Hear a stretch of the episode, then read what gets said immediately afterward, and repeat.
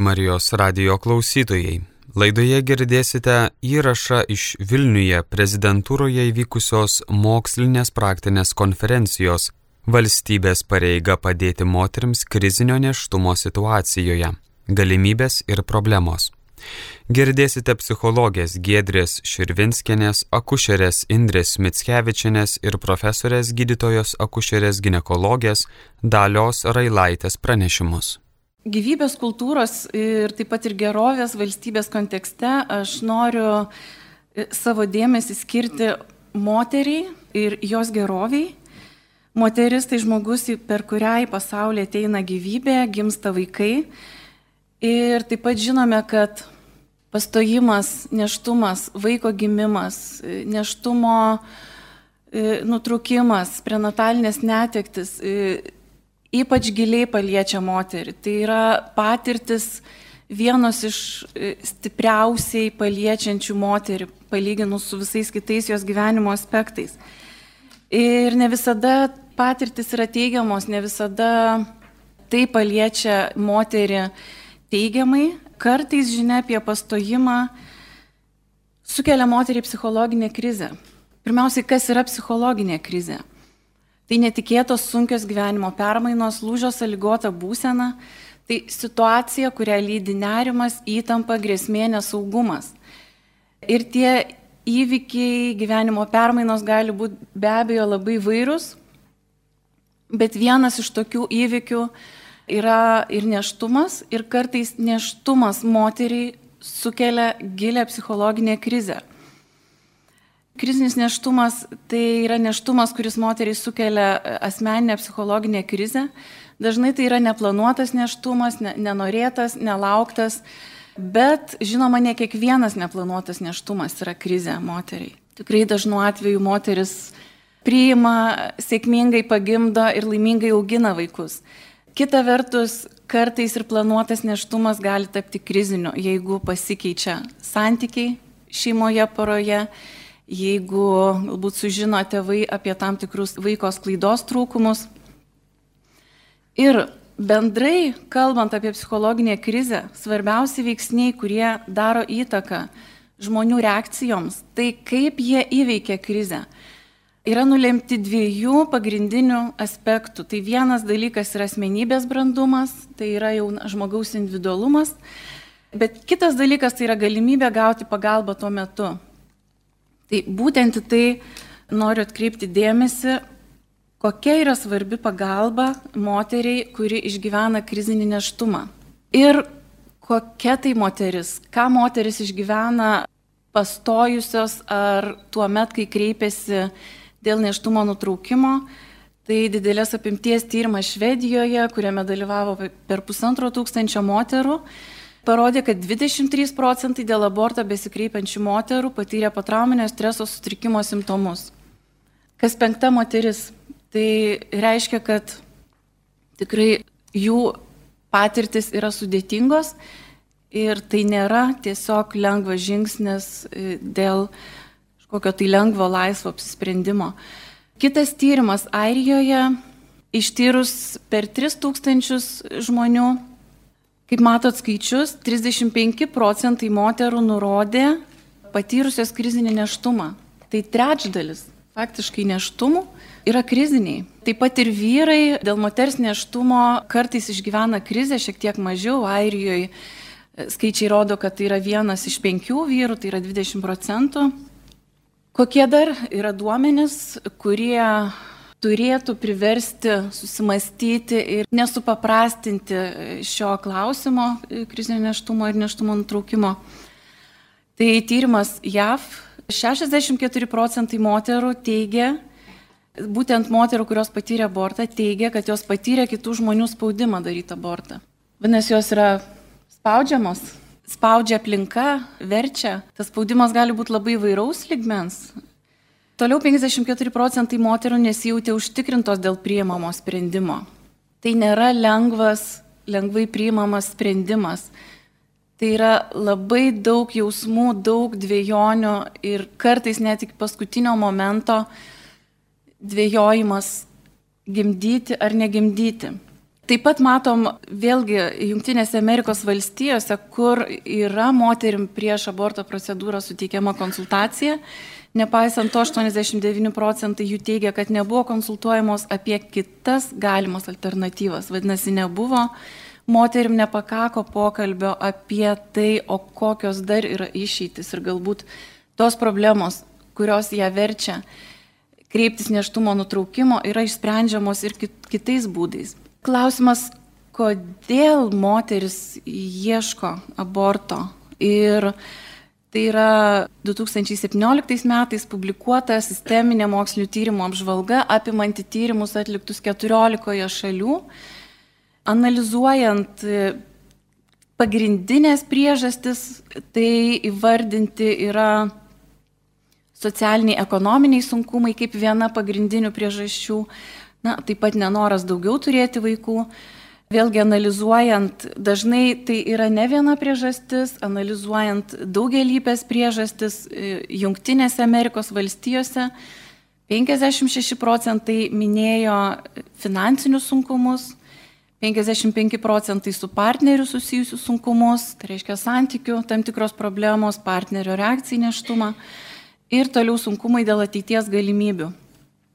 Švedija, noras atidėti motinystę, vėlgi su partneriu susijęs sunkumai, finansinis nepasirengimas. Ir matom, kad dažnu atveju tai yra iš esmės daugiau išorinės priežastis, išoriniai sunkumai, kurių atveju pasiūlius moterim pagalbą, galbūt jinai tikrai priimtų pati e, sprendimą, bet galbūt ne visada neštumo nutraukimą, nes kiek tenka pačiai ir kaip psichologai praktikiai konsultuoti moteris po abortų, po persileidimo, krizinio neštumo situacijoje, taip pat ir pagimdžiusias e, kūdikius, tai tikrai yra labai akivaizdu, mes neturim Lietuvoje skaičių, bet labai dažnai moteris kalba apie tai, kad draugas, partneris verčia, tėvai e, varo iš namų, jeigu tai yra jauna mergina, dar kažkokie tai sunkumai, kaip aš auginsiu, šiuo metu neturiu darbo ir nėra nieko moteriai pasiūloma.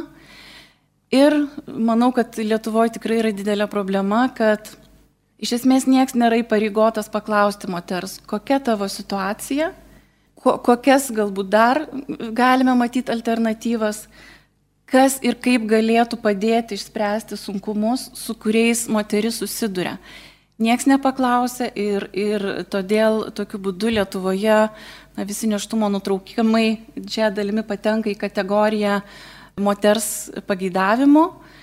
Bet jeigu pažiūrėtume į kitas šalis, tai įvairios šalis ieško tikrai įvairių būdų, kaip na, tarsi sukurti tam tikrą filtrą, kad moteris turėtų laiko apgalvoti, kad tai nebūtų skubotas sprendimas, O ką matom realybėj, kad dažnai moteris yra skubinamos greičiau priimti sprendimą, kol dar neštumas nėra e, didelis.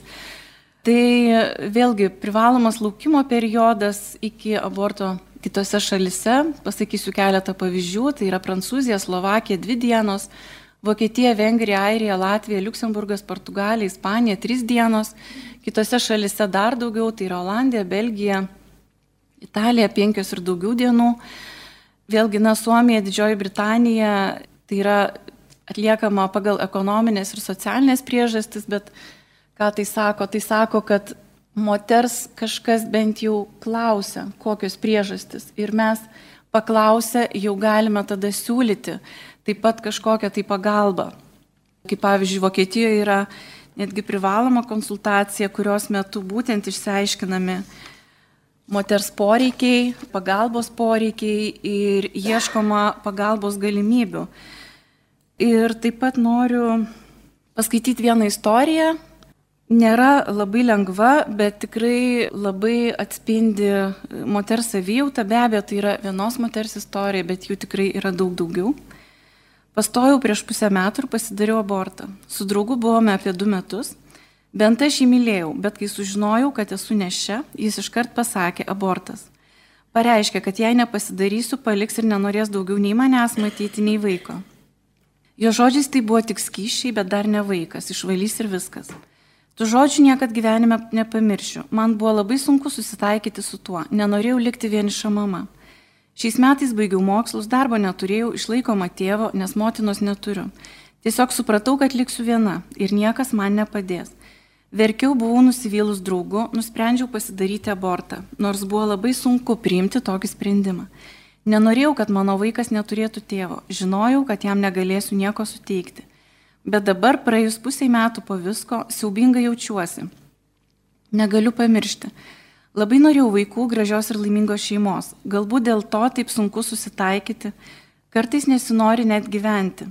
Nežinau, ar kada pamiršiu, ar palengvės, bet dabar nieko nenoriu, jaučiuosi beviltiškai. Manau, kiekvienai merginai reikėtų pagalvoti, ar tas žmogus, su kuriuo esi, myli tave ir pasiruošęs būti kartu bet kokiu atveju. Dabar man liko tik skausmas, atrodo, kad nieko gero nenusipelniau. Labai dažnai prisimenu, vis galvoje sukasi mintis apie vaikutį, kurį būčiau turėjus. Tai šitos moters neštumo nutraukimas vėlgi pateko į tą kategoriją pagal moters pageidavimą. Tai mes galim savęs kiekvienas paklausti, kiek mes čia matom pačios moters pageidavimo, laisvo sprendimo. Tai, ką jinai išgyvena, šita jos savijauta neturi jokio kodo, jokiose lygų klasifikacijos sistemose, neturi TLK kodo. Tai galima būtų pavadinti uždraustų sielvartų, kaip tai vadino žymi psichoterapeutė Teresa Burke nes moteris tarsi neturi teisės gedėti, nes jinai tarsi pati pasirinko ir jinai turėtų tarsi toliau laimingai gyventi. Bet mes matom, kad šitai moteriai po aborto taip pat yra labai reikalinga pagalba. Yra taip pat labai svarbu, kad ir moteris patyrusios e, tokius išgyvenimus ir netektis taip pat patektų į tam tikros pagalbos sistemą, kurią tikiuosi, e, kuri tikiuosi bus pradėta kurti ir tikrai dabar jau galima sakyti yra žengiami tam tikri žingsniai. Ir labai svarbu kurti valstybinių lygmenių kompleksinės pagalbos sistemą siekiant suteikti pagalbą tiek nešioms moteriams, tiek pagimdžiusioms moteriams, tiek prenatalinės netektis, tiek persileidimus ar neštumo nutraukimus patyrusioms moteriams, taip pat jų šeimoms, nes tiek krizinis neštumas ar, ar, ar abortas paliečia tikrai ne vien moterį, bet paliečia ir daugiau artimų žmonių. Ir labai norėčiau, kad sukurta sistema, kuri veiktų Lietuvoje, apsaugotų moteris nuo kitų žmonių spaudimo daryti abortą, kad moteris turėtų šiek tiek laiko, kad jinai galėtų sulaukti pagalbos, kad jinai būtų informuota apie esančią pagalbą, kad būtų specialistai, kurie galėtų skirti laiką savo dėmesį, išklausyti, išgirsti poreikius ir kad sistema būtų na, sukurta tokia, kad į tuos poreikius būtų galima atsižvelgti ir, ir moteriai pasiūlyti įvairius būdus ir pagalbą, kaip spręsti savo sunkumus. Ačiū. Kitas mūsų pranešimas - vyrų ir moterų nuomonė apie neštumo nutraukimą ir jo pasiekmes, nesant medicininių indikacijų. Vilniaus gimdymo namuose atlikto tyrimo apžvalga e, pristato akušerė Indrė Mitskevičianė. Tai laba diena visiems. Esu akušerė ir visuomenės veikatos specialistė Indrė Mitskevičianė. Ir šiandien norėčiau Jums pristatyti savo tyrimą, kurį prieš metus atlikau Vilniaus gimdymo namuose. Tema moterų ir vyrų nuomonė apie neštumo nutraukimą ir jo pasiekmes, būtent kai nėra medicininių indikacijų. Trumpas įvadas į mano tyrimą, tai pagal Pasaulio sveikatos organizaciją pasaulyje kasmet yra nutraukiama 40-50 milijonų gyvybių. Abortai Lietuvoje yra įteisinti jau nuo 1955 metų ir iki nepriklausomybės atgavimo, tai yra 91 metų, neštumo nutraukimas buvo labai paplitęs Lietuvoje. Kaip palyginimui, būtent tais metais, 91-aisiais, buvo atlikta virš 40 tūkstančių neštumo nutraukimų. Praeitais metais, tai yra 2018 metais, neštumo nutraukimų buvo virš 3 tūkstančių atvejų. Abortų statistika mažėja, bet vis tiek matom labai labai didelius skaičius. Primenu, kad Lietuvoje dėl moters noro nutraukti neštumą galima iki 12 savaičių, dėl medicininių indikacijų iki 22 neštumo savaitės. Kada Lietuvoje abortas yra legalus? Tai pagal Lietuvos Respublikos baudžiamąjį kodeksą iki 12 neštumo savaičių galima nutraukti neštumą, kai jis yra įvykdomas moters prašymu, kai nėra tam tikrų kontraindikacijų, tai yra įvairių uždegiminių lygų, infekcinių lygų. Abortas yra padarytas gydytojo kušerio gynekologo ir aišku sveikatos priežiūros įstaigoje. Labai gaila, bet Lietuvoje psichologo pagalba yra tik rekomendacinio pobūdžio. Vis dėlto užsienyje šioje srityje dalyvauja ne tik psichologai, bet ir socialiniai darbuotojai. Na ir kai kuriuose ES šalise įtvirtinta moters konsultavimo privaloma praktika prieš neštumo nutraukimą. Kaip mano kolegė minėjo, prieš tai Vokietijoje moteris, kuri nori nutraukti neštumą, kreipėsi iš pradžių į gydytoją akušerį gynekologą. Šis išrašo siuntimą į konsultacijų centrą, ten yra moteris pakonsultuojama, nesvarbu kokio yra socialinio sluoksnio ir statuso, tiek psichologiniais, tiek socialiniais aspektais ir tada turi tris dienas apsispręsti.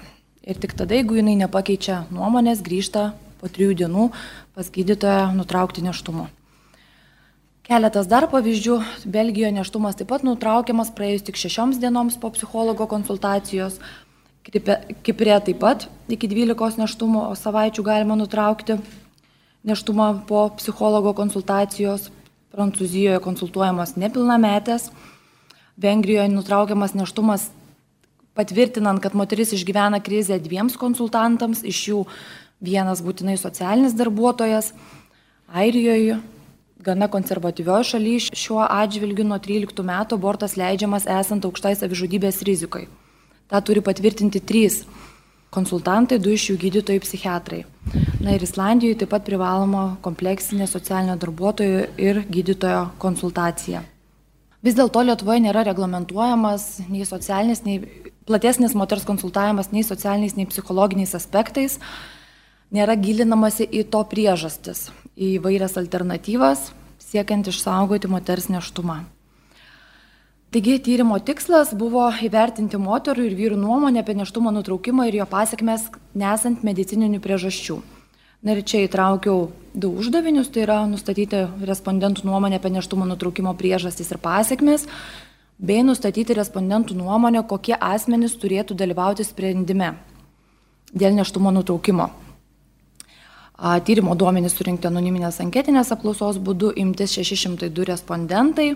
Didžiausia dalis respondentų buvo 26-35 metų amžiaus, turintis aukštą išsilavinimą, tai ištekėjusios ir vedė respondentai ir pusė jų buvo auginantis vieną vaiką. Taigi trys pagrindiniai neštumo nutrukimo priežastys respondentų nuomonė yra finansiniai sunkumai, emocinio palaikymo stoka bei vaiko tėvų ir artimųjų noras. Vis dėlto statistiškai reikšmingai dažniau moteris mane, kad neštumas nutraukiamas dėl vaiko tėvo noro, vyrai vis dėlto galvojo, kad nutraukiamas neštumas dažniau yra dėl girtavimo šeimoje ir gimdymo baimės. Čia keletas statistiškai reikšmingų pasiskirstimų pagal kitus demografinius rodiklius. Tai e, rezultatai tokie, kad respondentai, kurie turėjo aukštą ir aukštesnį išsilavinimą, labiau išskyrė psichologinės priežastis, tai yra emocinio palaikymo stoka.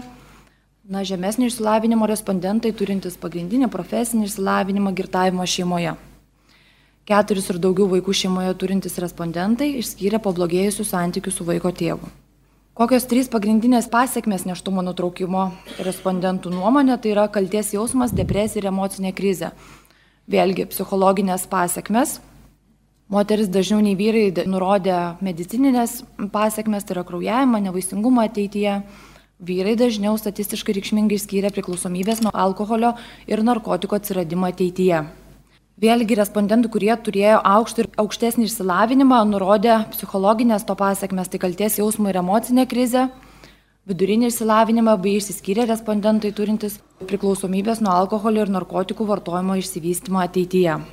Gilinantis, kokia moterų ir vyrų nuomonė, kokie asmenys ar specialistai turėtų dalyvauti sprendžiant dėl neštumo nutraukimo, tai tiek vyrai, tiek moteris mane, kad turėtų dalyvauti nešiosios vyras, psichologas ir moters artimieji. Vyrai dažniau nei moteris nurodė, kad į sprendimo prieimimą turėtų būti dar įtraukiamas ir gydytojas akušeris gynekologas. Įdomu tai, kad vyresnioji mano respondentų dalis, tai yra virš 35 metų, labiau pritarė dvasininko dalyvavimui negu jaunesnėji respondentai.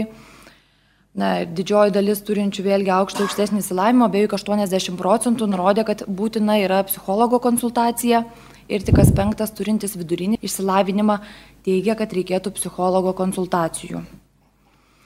Na, čia labai trumpai skaičiuota šansų santykis siekiant įvertinti rizikos ir apsauginius veiksnius neštumo nutraukimo ir rezultatai gauti tokie, kad neštumo nutraukimo rizikos veiksniai yra pablogėję santykiai su vaiko tėvu bei respondenčių vaikų skaičius auginamas šeimoje, o apsauginiai veiksniai tai yra vyresnis moters amžius ir respondenčių aukštesnis išsilavinimas.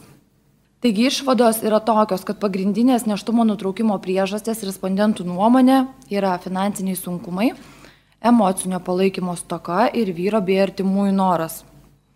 Dvi dažniausios neštumo nutraukimo pasiekmes - psichologinės vėlgi yra kalties jausmas ir emocinė krizė.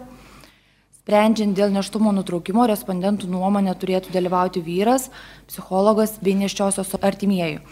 Čia paradoksalu yra tai, kad socialinio darbuotojo jie neįtraukia į sprendimo prieimimą, nors dauguma jų nurodė, kad finansiniai sunkumai yra viena iš priežasčių, dėl ko jos nutraukė neštumą. Kompleksinė psichologo ir socialinio darbuotojo pagalba tiek moteriai, tiek visai šeimai, netgi vyrui atskirai, kai kuriuose šalise yra įteisinta, patirinčiai krizinį neštumą turėtų būti įtraukiama į pirminės veikatos priežiūros grandį, kaip antrinė ir būtent tretinė tai yra po gimdymo prevencija, užtikrinant pagalbos testinumą. Ačiū gerbiamai pranešėjai, gal kas norėtų dar paklausti? Norėčiau pasitikslinti dėl apklaustųjų skaičiaus. Nesu statistikos specialistė, bet kokie, kokios čia imties tas tyrimas? 602 respondentai. Aš norėjau paklausti, ar jūs nebandėte pasidomėti, kiek iš jų vartojo kontraceptikus? Į šitą tyrimą šito neįtraukiau. Mhm. Nes man atrodo, tai labai svarbus klausimas, ar e, vartojo ar nevartojo. Nes dažnai mes turim tą farmacijos pramonę, kuri po to manipuliuoja. Bet galbūt tai diskusijose mes aptarsime. Tai ačiū gerbiamai pranešėjai. Ir e, trečias mūsų pranešimas - medicininės indikacijos neštumo nutraukimui. Profesorė, gydytoja kuširė gynekologė Dalė Railaitė. Aš esu gydytoja kušerė gynekologė, dirbu Kauno Lietuvos sveikatos mokslo universitete ir šiandieną bandysiu pristatyti tokią labai aktualią temą, tai yra medicinės indikacijas neštumo nutraukimui. Iš tiesų, kasgi tai yra medicinė indikacija neštumui nutraukti? Mes neturėtumėm tai tapatinti su neštumo nutraukimo būtinybė. Iš tiesų šitame slypi tai, kad pirmiausia tai yra susijęs su sveikata. Kitas momentas tai yra tai, kad galbūt tai galėtų būti susijęs su bloga išeitimi arba bloga prognozė. Tačiau visais atvejais mes turime turėti pacientį sutikimą. Kada kalbame apie blogą išeitį, tai daugiausiai yra kalba apie pacientės blogą išeitį, sakykime, sunkus lygotumas arba netgi pacientės mirtis, kada kalbama apie blogą prognozę, tai galėtų būti taikoma tiek pacientiai, kaip lygos pablogėjimas, kažkoks ilgalaikis sergamumas, taip pat gali būti dažniau tai taikoma iš tiesų naujagimiui ir augančiam kūdikiui. Šitoje problemoje mes turime sveikatos ministro įsakymą, tiesa ganėtinai seną, 94 metų, Na, šitame įsakyme mes turime apibriežtą ir neštumo nutraukimą pagal moters norą, apie kurį nekalbėsime. Ir taip pat turime kontraindikuotino neštumo nutraukimą, kuris apimtų šioje situacijoje moters problemas, jos lygas ir komplikacijas ir taip pat vaisiaus apsigimimus. Ką būtų galima pasakyti apie kontraindikuotiną neštumą ir išvardinta šiame įsakyme situacija, tai yra pakankamai daug grupių ir daugiau maždaug apie šimtas būklių, kuomet yra įvardinama, kad neštumą dėl moters sveikatos problemų galima nutraukti. Na, pirmiausia, tai yra įvairios lėtinės lygos, vėlgi neštumo komplikacijos, tam tikros fiziologinės būsenos ir vaisiaus apsigimimai. Reikėtų pasakyti, kad iš tiesų šitas sąrašas, kuris liečia pacientės sveikatą, įvairias lygas ir grupės, jis iš tikrųjų yra beviltiškai pasenęs. Jeigu mes pasižiūrėtumėm detaliau, aš labai stipriai neanalizuosiu, tačiau į šitą sąrašą patenka ir živ infekuotos, kurios sėkmingai nešioja ir gimdo, taip pat patenka moteris su daugeliu lėtinių lygų, kurios iš tiesų na, e, tikrai gali medikų priežiūroje sulaukti vaikų. Netgi toks keistas dalykas, kaip aklumas galėtų būti neštumo nutraukimo pagal medicinės indikacijas priežastis, kaip mes suprantame, kad aklieji gyvena ypatingai pilnavertį gyvenimą. Vėlgi, jeigu kalbėtumėm apie psichinės ligas, tai šitoje situacijoje keičiantis požiūrį į psichinės ligas, iš viso šizofrenija yra tokia diagnozė, su kuria žmonės gyvena pilnavertį gyvenimą, dirba, netgi kartais užima pakankamai atsakingas pareigas. Fiziologinės būklės taip pat yra iš tiesų apibrieštos tokios, kurios e, galbūt ir ne visuomet yra neštumo nutraukimo pagrindas.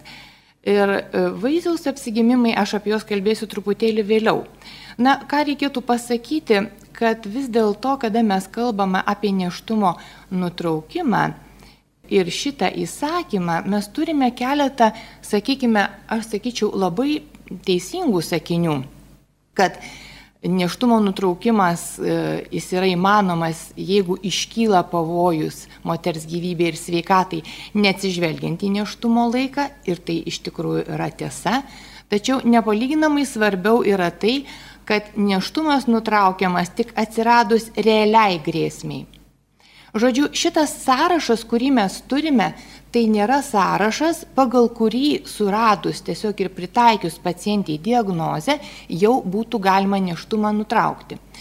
Ir reali grėsmė, tai šitoj situacijoje tai ir būtų kažkokia jau neprognozuojama lygos eiga, pablogėjimas veikatos, kuris tikrai yra grėsmingas ir šitoj situacijoje mes suprantam, kad jeigu moters neliks, tai vaisiaus gyvybės saugojimas taip pat neturės visiškai jokios prasmės. Ir taip, e, sakyčiau, panašiai turbūt jau šio laikinėme kontekste ir yra, tačiau kartais dar žinoma yra įvairiausių ir niuansų. Na, šitame įsakyme visiškai nekalbama apie moters sutikimą, nors mes visi labai puikiai suprantam, kad Bet kokiai intervencijai, taip pat ir neštumo nutraukimui, moters sutikimas yra būtinas. Ir net ir tuo atveju, jeigu medikams atrodo, kad šitas neštumas yra grėsmingas ir toliau negali būti tęsiamas, be moters sutikimo nieko daryti yra negalima. Dabar Noriu pasakyti, kad iš tiesų tikra indikacija ir vienintelė neštumui nutraukti medicininė, tai yra tik tai negimdinis neštumas, kuris iš esmės neturi visiškai jokios galimybės užaukti iki vaisiaus gyvybingumo ir yra neprognozuojamas įvairiomis komplikacijomis, nei tų komplikacijų apimtimi, nei laike. Tai yra tokia situacija, kurioje mes dėja pagalbos pacientiai suteikti negalėsime ir šitoj situacijoje neštumo nutraukimas yra pateisinamas visais atžvilgiais ir šitoj situacijoje jis nesukelia konfliktų ir medikų tarpe ir mes žinome, kad vėlgi neatlikti neštumo, pasirinkti neatlikti neštumo, nutraukimo yra taip pat akušerio gynekologo teisė. Taigi e, neštumas iš tiesų gali turėti blogą baigti pacientiai, tačiau tai yra eilė priežasčių. Įvairios neštumo komplikacijos, sunkios pablogėjusios lėtinės lygos, Kitos lygos, kurios dažniau pasitaiko neštumo metu, tai yra ir inkstų uždegimai, ir trombų susiformavimai kraujagislėse su jų nukeliavimu į plaučius ir kitos. Na ir vėlgi nešioji moteris yra neapsaugota nuo daugelio traumų, e, sakykime, autoavarijų, kurios taip pat gali būti grėsmingos tiek jai, tiek jos būsimam naujagimiui. Ir šitoj situacijoje mes teikiame pagalbą ir stengiamės išsaugoti tiek būsimo naujagimio, tai yra esamo vaisiaus, tiek moters sveikatą ir neštumo užbaigimas visuomet yra labai ir krizinė situacija ir iš tiesų labai didelis iššūkis tiek moteriai, tiek medikams. Taigi yra toksai klausimas. Ir kur reikėtų padėti kablelį, kada mes susidurėm su kažkokia tai labai rimta sveikatos problema. Iš tiesų, sprendimą vis dėlto be galo stipriai lemia moters ir šeimos pozicija. Nes kaip jau minėjau, jeigu moteris nesutinka, net ir esant kritiniai jos veikatos būkliai, O mes iš tiesų esame turėję tokių situacijų, kai visiems medikams atrodo, kad išeities jau nėra ir kad neštumas kelia labai didelę grėsmę moters gyvybei, tačiau pacientė nesutinka ir dedamos visos pastangos vis dėlto tą neštumą išlaikyti. Ir rezultatai būna įvairūs ir sėkmingi. Vėlgi labai yra svarbu, koks požiūris yra ir kokios žinios yra medikų ir visuomenės. Nes šiuo gyvenimo momentu mes susidurėm su daugybė nežinojimo ir apie tai kalbėsiu dar truputėlį vėliau.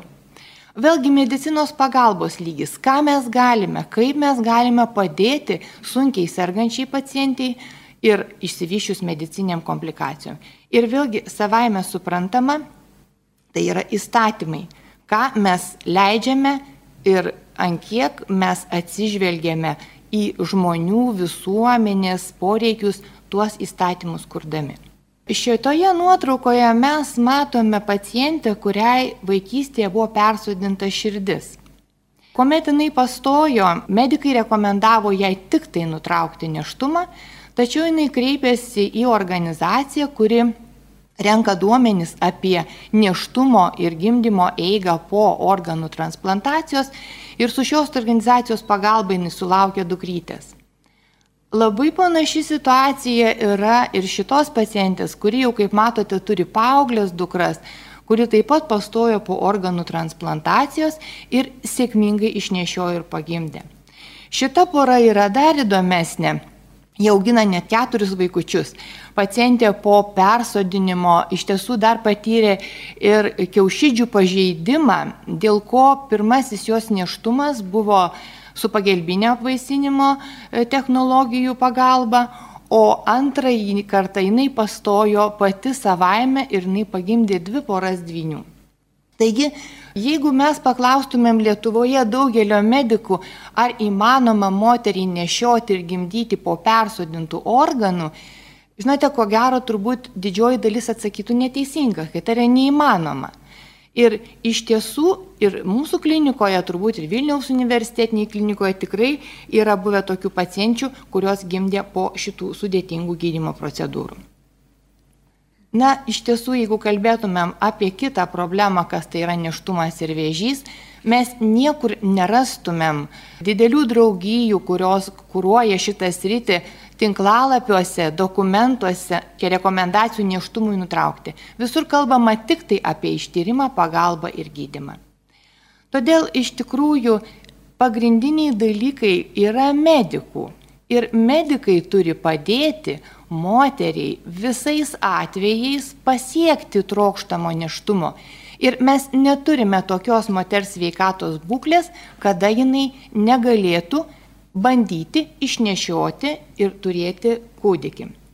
Jeigu mes pažvelgtumėm iš tiesų į pagelbinio apvaisinimo įstatymus labai retai, kur jie reikalauja moters sveikatos būklės įvertinimo.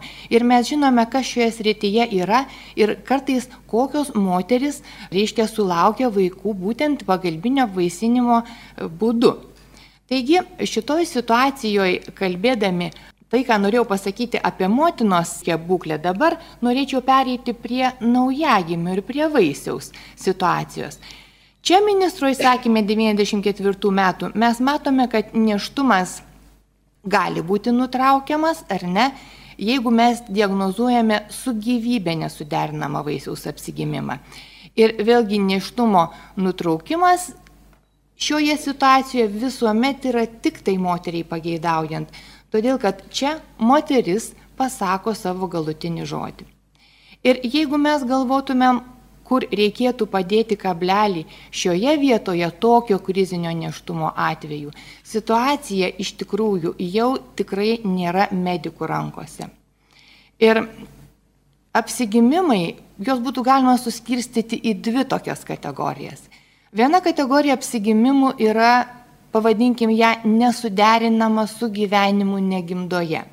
Kuomet mes suprantame, kad tas naujagimis, kuris gims, gimimas jam reikš greitą arba iš karto mirti. Ir šitoj situacijoje vėlgi problemos turbūt turėtų būti įvardinamos, na, kaip, sakykime, kaip tą e, bando padaryti perinataliniai hospisai, kurie įsteigti yra daugelie šalių. Ir šitoje situacijoje jie ragina iš tiesų išnešioti, pagimdyti ir atsisveikinti. Ir tokia mintis yra, kad jūs palydite savo kūdikį, o mes palydime jūs. Nesuderinama su gyvybė gimdoje vaisiaus displazija kažkuria prasme iš tiesų kelia truputėlį mažiau iššūkių. Todėl, kad vėlgi tėvai palydi savo kūdikį, atsisveikina su juo ir vėl gyvenimą planuoja iš naujo.